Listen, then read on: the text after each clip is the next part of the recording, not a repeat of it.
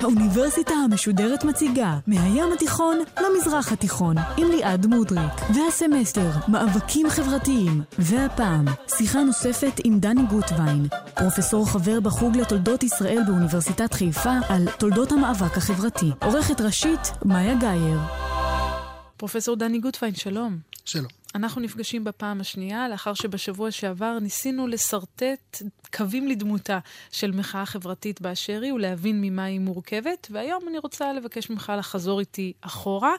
מה המחאה החברתית הראשונה? אני לא יודעת, המגנה קרתא, המהפכה הצרפתית, או בכלל, אני חוזרת לתנ"ך, בני ישראל שבאו לרחבעם וביקשו שיקל בנטל המס, או קורח ועדתו, איפה היית מסמן את ההתחלה? כן, אפשר לסמן את ה... תראי, ההיסטוריה האנושית אה, מלווה באיזה סיפור שחוזר על עצמו, על שלטון שבעצם מתנגש עם הציבור שעליו הוא שולט, ואותו ציבור אה, יוצא באיזה סוג של אה, מחאה, אז כן, אז אצלנו יש את קורח ועדתו, ויש את הסיפור של אה, המחאה נגד רחבעם. זאת אומרת, הסיפור של סדר חברתי שהולך ומופר. כן. זאת אומרת, הסיפור הכללי זה סיפור שאפשר כאילו להפוך אותו לאיזה פרדיגמה שלאורה בוחנים את ההיסטוריה האנושית, סדר חברתי שקיים, מופר, ובעקבותיו נוצר סדר חדש. כדאי להזכיר שאולי מי שטבע את הפרדיגמה הזאת בצורה אולי שמאז מחלחלת בה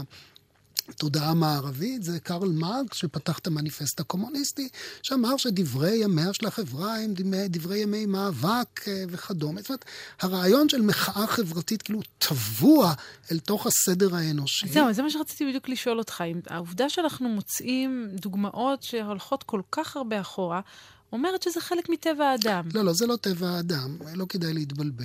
אה, אנחנו לא עוסקים בטבע האדם, אנחנו עוסקים בהתפתחויות חברתיות. ההיגיון פה היגיון מאוד מאוד פשוט, שישנם אה, שמשטר, אה, שלטון, סדר פוליטי, משקפים מערכת נתונה של כוחות חברתיים, כלכליים ואחרים.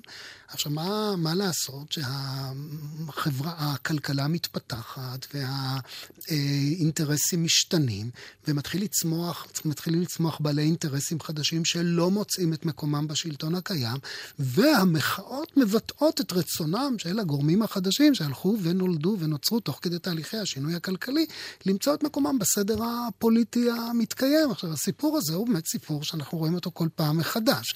צריכים להגיד, מה שגם אמרנו בפעם הקודמת, שקו אה, פרשת המים הוא בין מערכת דמוקרטית שיודעת לתת לכוחות הללו איזשהו סוג של ביטוי לגיטימי, כן.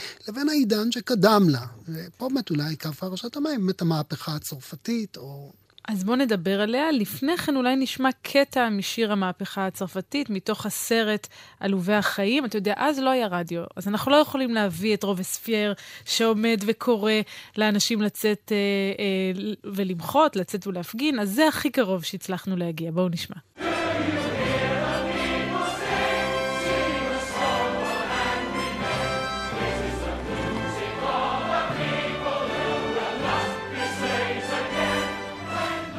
זה נשמע בעיבוד ההוליוודי, צריך לומר, אה, כמובן להפקה הזו. האם אתם שומעים את העם שר, שר את השיר של האנשים הכועסים? זוהי המוסיקה של אנשים שלא יהיו עבדים בשנית.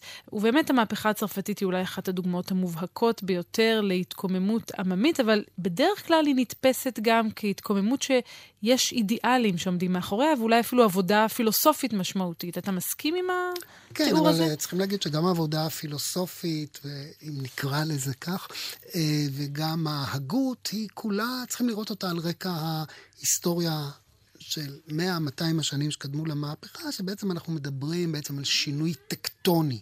שמתחולל בחברה המערבית, וזה המעבר מהעידן הפאודלי על סדריו לעידן הקפיטליסטי על סדריו.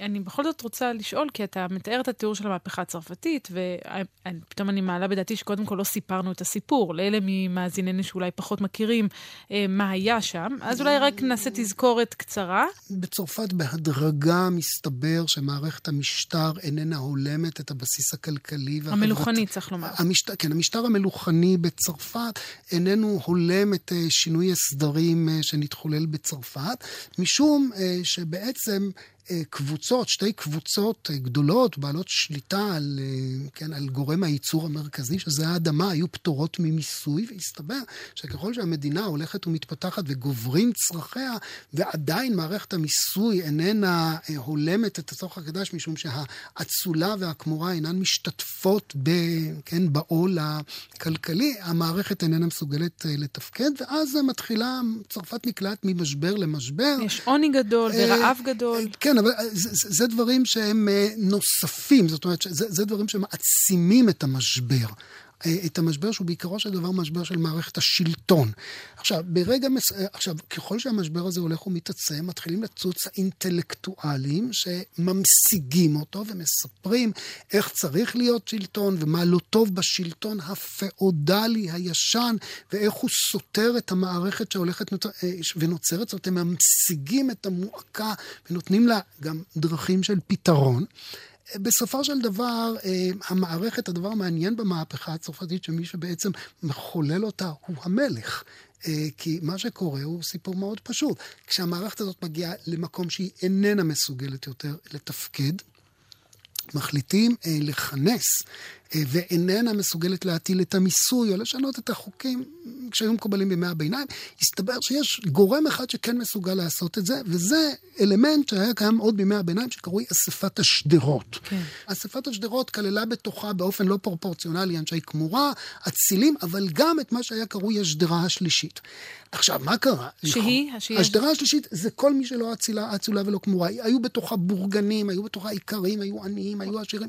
אבל הדבר המעניין הוא שלקראת כינוסה של אספת השדרות, נתבקשו הגורמים השונים לכתוב מה מעיק עליהם. ובעצם עצם תהליך הכינוס, או המהלך שהוביל לכינוס אספת השדרות, יצר תסיסה בעצם ציבורית של דיונים על מה צריך להיות ואיך צריך להיות. נתכנסה אספת השדרות, ואז מצאו את עצמם צירי השדרה השלישית, שהם במיעוט מובנה, כן. מול האצולה והכמורה, ואז ברגע, זאת אומרת, צריך לקרות, המעב, הגורם שכונס על ידי המלך במטרה בעצם לשנות, נגיד, בתוך השיטה... הפך להיות גורם מהפכני. הפך להיות מאותו רגע שצירי השדרה, השדרה השלישית, באירוע מאוד מאוד ידוע, נתכנסו באולם משחקי הכדור והכריזו על עצמם כאספה הלאומית, כ... גורם המייצג את העם הצרפתי כולו, וכמובן הכמורה והאצולה נאלצו להיכנע לזה, בין השאר אגב, משום שבאותו זמן שהאספה יושבת בוורסאי, בפריז יש פשוט מאוד פעילות בלתי פוסקת של מחאה ושל תסיסה חברתית. אגב, מאוד בולטות שם נשים כל המערכת הזאת מובילה לאותו לחץ שמוביל בעצם לשינוי, שהוא המהפכה הצרפתית. מהי המהפכה הצרפתית? לא הרס הבסטיליה, אלא בעצם העברת הכוח הפוליטי לידיה של אותו דבר שתהיה האספה הלאומית. אגב, תהליך די דומה קרה כמה שנים קודם לכן.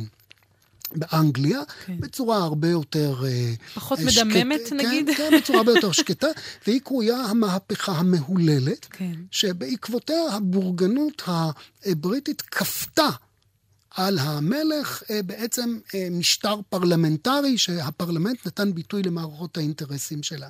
זאת אומרת, אנחנו בעצם רואים שהמהפכה, בעצם יש לנו פה ההיגיון, הסיפור ההיסטורי מספר את ההיגיון. כאשר מתחילה להיווצר איזושהי...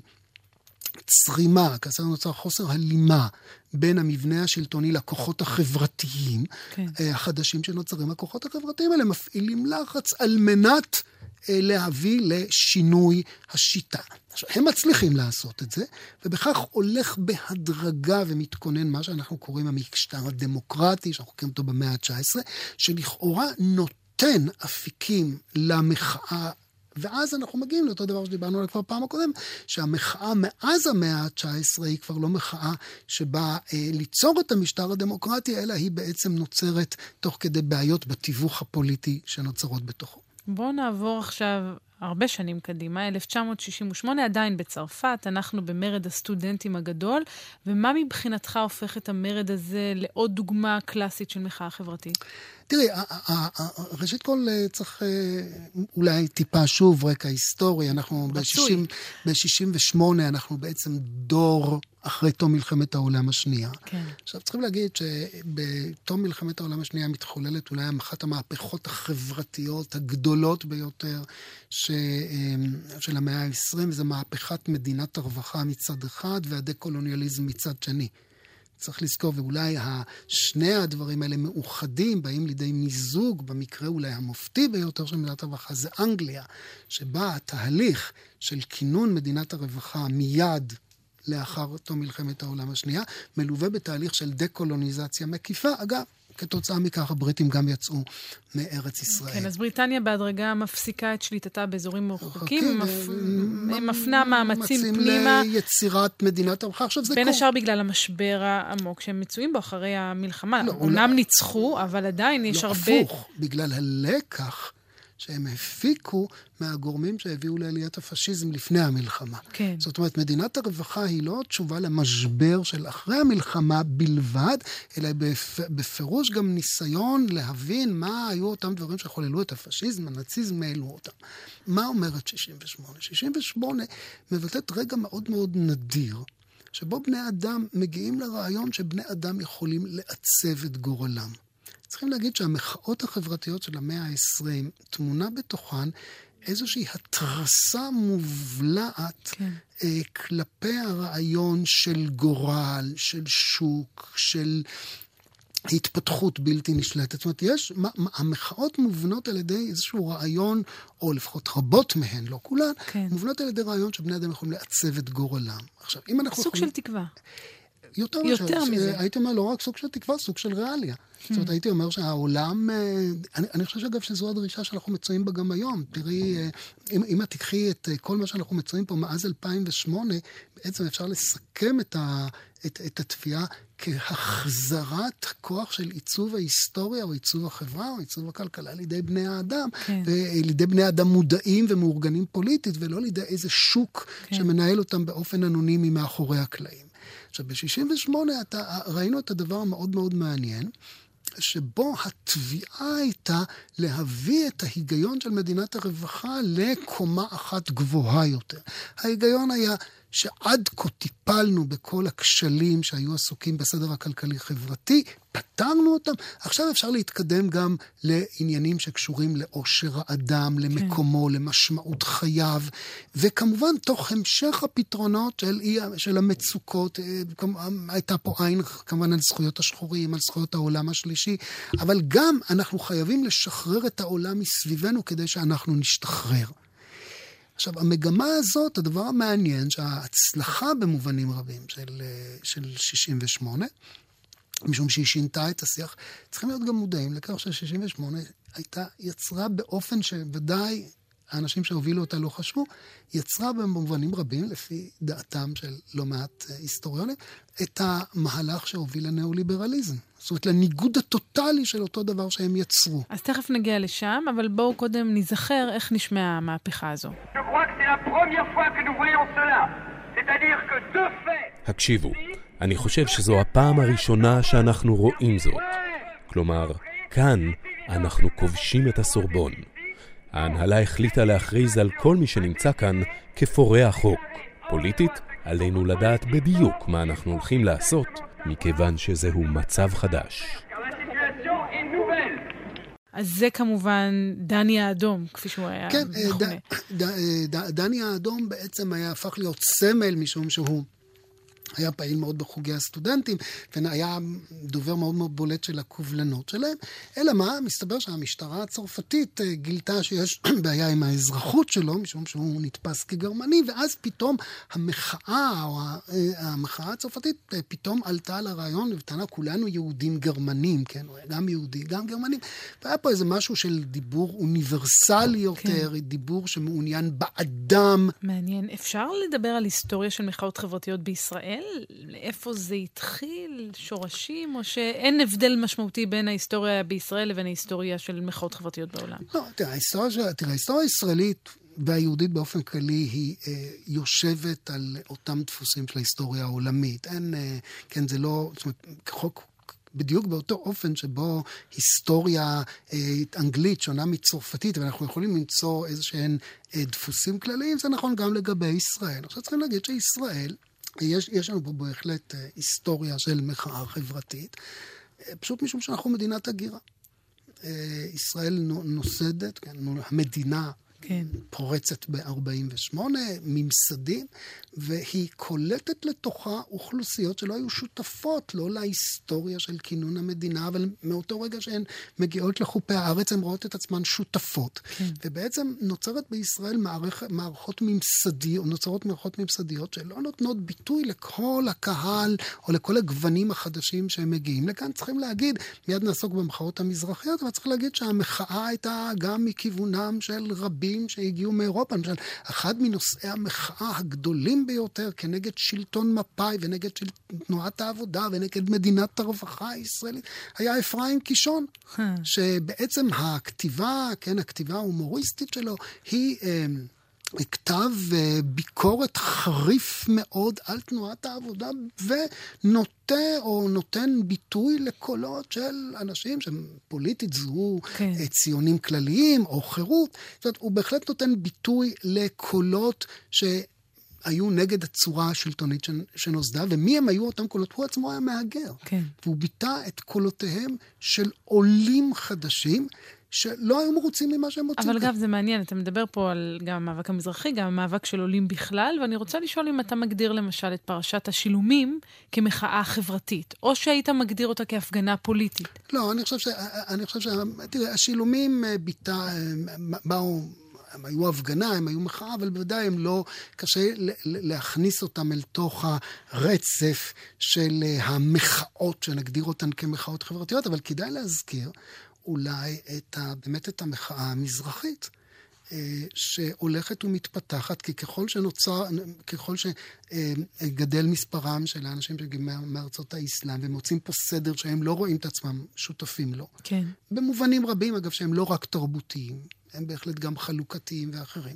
אנחנו מתחילים לראות, לראות רצף של אה, הבעות, אה, הבעות מחאה. כמובן, שני הגילויים המאוד מאוד בולטים הם אה, של דוד בן ארוש ומרד ואדי סאליב, כן, ומאוחר יותר הפנתרים השחורים. ואנחנו, יש לנו תוכנית שלמה שתעסוק רק בעניין הזה של המחאה לא, אבל. אבל צריך להגיד את האלמנט הפרדיגמטי, כן. שיש פה קבוצות שמגיעות לסדר שבעצם הן מוצאות את עצמן מוגבלות על ידו, והן מביאות את המחאה כנגד אותו סדר. שמתוך המחאה הזאת מתחיל גם אה, לצוץ איזה סוג של פתרון. כן. ש... מוגשם או לא. אבל אפשר, אם אנחנו כבר עושים מין סקירה היסטורית כזו, לדבר על סוגי תגובות של השלטון? נניח שלטון שמחבק את המוחים, שלטון שמתנגד למוחים. אפשר לנסות לצייר, וגם אולי לנסות להבין מתוך זה מה יהיה סופה של המחאה החברתית? כן, ודאי שיש תגובות שונות של שלטון למחאות חברתיות, שנגיד, אפשר להגיד באופן הברור ביותר, זה בין תגובות של שלילה וניסיון כן. לדכא. לדכא, לבין תגובות של הכלה. אני חושב שגם בישראל אנחנו אה, רואים את, השתי, את שני סוגי התגובות האלה, אני מיד אתן דוגמה. צריכים להגיד שה, אה, ש, שמחאות חברתיות, יש בהן יסוד מאוד מאוד בולט של אמונה בכוח של העיצוב החברתי, של השליטה. של בני האדם בגורלם, של היכול, של כן, שאין, ששום דבר איננו מוכתב וששום דבר איננו קבוע, ובעצם הרצון האנושי, ההתארגנות האנושית, הם בעלי כוח לעצב מציאות. כן. תראה, אפשר לתת בארץ אה, דוגמאות לשתי תגובות הפוכות אה, לחלוטין שהיו, נגיד במקרה של המחאה המזרחית. במקרה של ואדי סאליב, אה, השלטון נקט בצורה מאוד מאוד חדה של, אפשר כן. לקרוא לזה דיכוי או השתקה, או כל, כל הצורות האלה של שימוש כוחני בניסיון לבלום את, ה, את התופעה. מצד שני, צריכים להגיד שכש... מגיעים הפנתרים, שעולה מחאת הפנתרים, ואולי צריך איזשהו עניין היסטורי. מחאת הפנתרים עולה ברגע של שינוי היסטורי גדול מאוד במדיניות החברתית הכלכלית בישראל. בישראל ב-68, אחרי שנות המיתון. כן. בישראל יש מיתון חברתי כן. קשה ב-66, 67, שקורע פה את החברה ו... מראה את כל, ה, אה, כן, את כל מערכי אי השוויון ואי הצדק. השיל... צריכים להגיד שהשלטון שעשה את המיתון די נבהל מתוצאותיו, וב-68 כן. מתחיל בישראל העשור שנגמר ב-77, שזה עשור מדינת הרווחה. הפנתרים בעצם מוחים בתוך אותו תהליך שינוי, ואז אנחנו רואים שאותה גולדה, שאומרת שהם לא נחמדים וכדומה, אחד הדברים שהיא עושה, היא מיד מזמינה אותם אליה, והיא כן. יושבת עם שרי ממשלתה כדי לשמוע את קובלנותיהם המפגש הוא במובנים רבים מאוד מאוד, אה, כן, פטרוני, ומהרבה כן. סיבות, גם של הבדלי גיל, אבל ודאי של הבדלי תודעה של מי הם המשותפים, אבל בהחלט היה, אפשר לומר שהתגובה, שהתגובה לפנתרים אולי היה ביסוד של הפקת לקחים מהכישלון של התגובה הכוחנית לוואדי סאליב, כן. והיה פה ניסיון בהחלט של לייצר איזו מדיניות שתכיל לתוכה את תביעות אה, הפנתרים. בהקשר הזה אולי נשמע את התיעוד של המפגש הזה בין גולדה לבין הפנתרים, כך זה נשמע. ההפגנות המתמשכות אילצו את ראש הממשלה גולדה מאיר לזמן את מנהיגי הפנתרים לפגישה בלשכתה. קבוצה של חבורות רחוב נפגשים עם ראש הממשלה, מגיעים לסיכום ולחיצת יד, אנחנו יוצאים, לא מדברים עם עיתונאים עד לפגישה הבאה. אנחנו עומדים בהבטחה שלנו כי אנחנו גדלנו בתוך העולם העברייני, במילה שלנו זה מילה. אנחנו מגיעים הביתה ופותחים את הרדיו ושומעים אותה, היא אומרת, הם לא נחמדים. אני נראה לך לא נחמד? אני רוצה עכשיו לשאול אותך בעניין אה, אחר. דיברתי על התגובה של השלטון, ואמרנו, יכולה להיות תגובה קשה.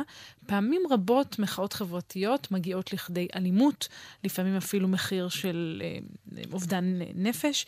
ואני רוצה לשאול אותך, האם אלימות היא חלק בלתי נפרד ממחאה חברתית? האם היא הופכת את המחאה ליותר אפקטיבית?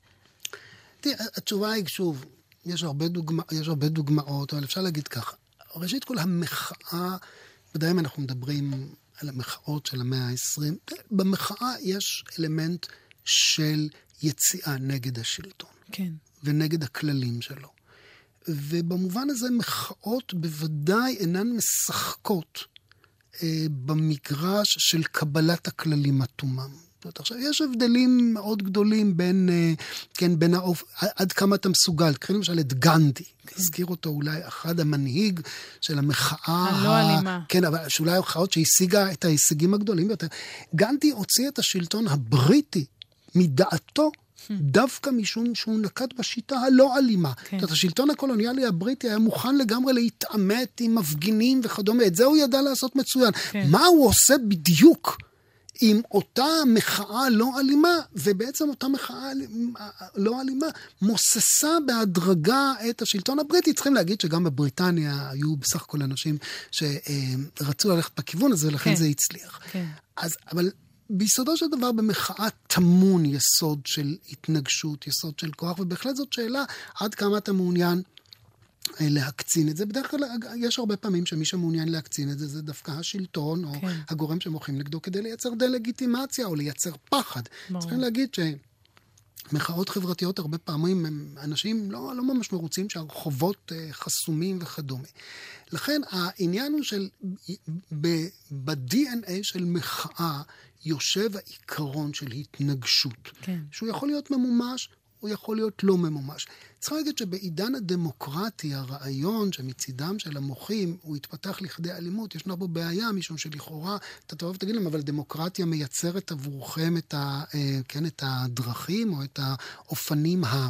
יותר הוגנים, אה, מדוע האלימות. לכן אני חושב ששאלת האלימות, שאלת ההתנגשות, בואי, אני חושב שהמילה הנכונה כאן היא יותר התנגשות. ברור, אם לא נותנים לך, אם, כן, אם מגבילים את אה, גבול, ה, כן, את גבול התגובה שלך, אם, אה, אם, אם לא נותנים לך להפגין כי מציבים מולך מאות שוטרים וכדומה. כן, זאת... אז ההתנגשות יכולה בקלות להפוך להתנגשות אלימה, ואני רוצה אבל לשאול אותך לסיום, דיברת על המחאות של המאה ה-20. בוא נדבר לרגע על המחאות של המאה ה-21, בלי לחזור שוב למחאה בישראל של 2011, ששוחחנו עליה ועוד נעסוק בה הרבה גם במהלך הסמסטר הזה, אבל כן יש הבדל בין מחאות בעידן הטכנולוגי הזה שלנו היום לבין מחאות uh, שנשענו על אמצעים יותר, נגיד, מסורתיים? אני, אני הייתי מגדיר את זה ככה. אני, תראי, אפשר לדבר על, אה, כן, מה שעשה עידן הרשתות, ובאמת כן. אפשר אה, לגייס אנשים בצורה מהירה יותר, וכולם יודעים. זה נכון. מצד שני צריכים להגיד, שאני חושב שהבעיה של המאות במאה ה-21, כפי שאנחנו רואים, אני הייתי מסביר אותן, שהן הולכות וצוברות, או הן הופכות להיות כעוסות יותר, זה בגלל שהמאה ה-21 הופכת להיות מאה של אי שוויון שהולך ונפח בוטה יותר ומעיק יותר על חייהם של אנשים. זאת אומרת, אני, אני הייתי פחות מתרשם מה, מה, מהדינמיקה של הרשתות, ויותר עוסק במוטיבציות של אנשים. צריך להבין, מה שאנחנו עדים בכל מה שיש לנו ידיעות, המאה ה-20, סוף המאה ה-20, תחילת המאה ה-21, זה העידן של הנישול הגדול ובעצם האלים. של מעמד הביניים, כי כשאנשים נזרקים למצב של הומלסים זה כן. נישול אלים. כן. ולכן אני חושב שהדבר שמעצים ונותן את התוכן למחאות המאה ה-20, זה המהלך הקיצוני מאוד של הנישול שאנחנו מוצאים אותו, שיוצר מוטיבציה, יוצר בהתחלה את אותה תחושה עמומה ובלתי מודעת, ומאוחר יותר את המוטיבציה לצאת, הרבה יותר מאשר אותן רשתות חברתיות שמקלות על כך. צריכים להגיד, אגב, שבמחאת 2011, לפחות בחיפה, אחת הדרכים היעילות ביותר להודיע עדיין היו פלקטים שהודבקו על לוחות המודעות. העיקר היה המוטיבציה, פחות כן. האמצעי. אז התחלנו בשבוע שעבר לדבר על מועקה, והנה חזרנו למועקה הזו, שהיא המועקה המהותית שמניעה את המחאה החברתית. והאי שוויון הזה שאתה מדבר עליו כמובן גם בתוך מדינות, גם בין מדינות, מה שמבטיח שיהיו לנו כנראה עוד לא מעט מחאות חברתיות בעשורים הבאים, בשנים הבאות. אני רוצה מאוד להודות לך, פרופ' דני גוטווין, על שתי ההרצאות המאלפות האלה. תודה רבה. תודה. ותודה גם לעורכת הראשית שלנו, מאיה גאייר, על העריכה וההפקה נוגה קליין, על הביצוע הטכני שגיא גבאי. ואתם מוזמנים להאזין לשאר תוכניות האוניברסיטה המשודרת באתר שלנו או באפליקציה יישומון של גלי צה"ל. אנחנו ניפגש כאן גם בשבוע הבא. להתראות.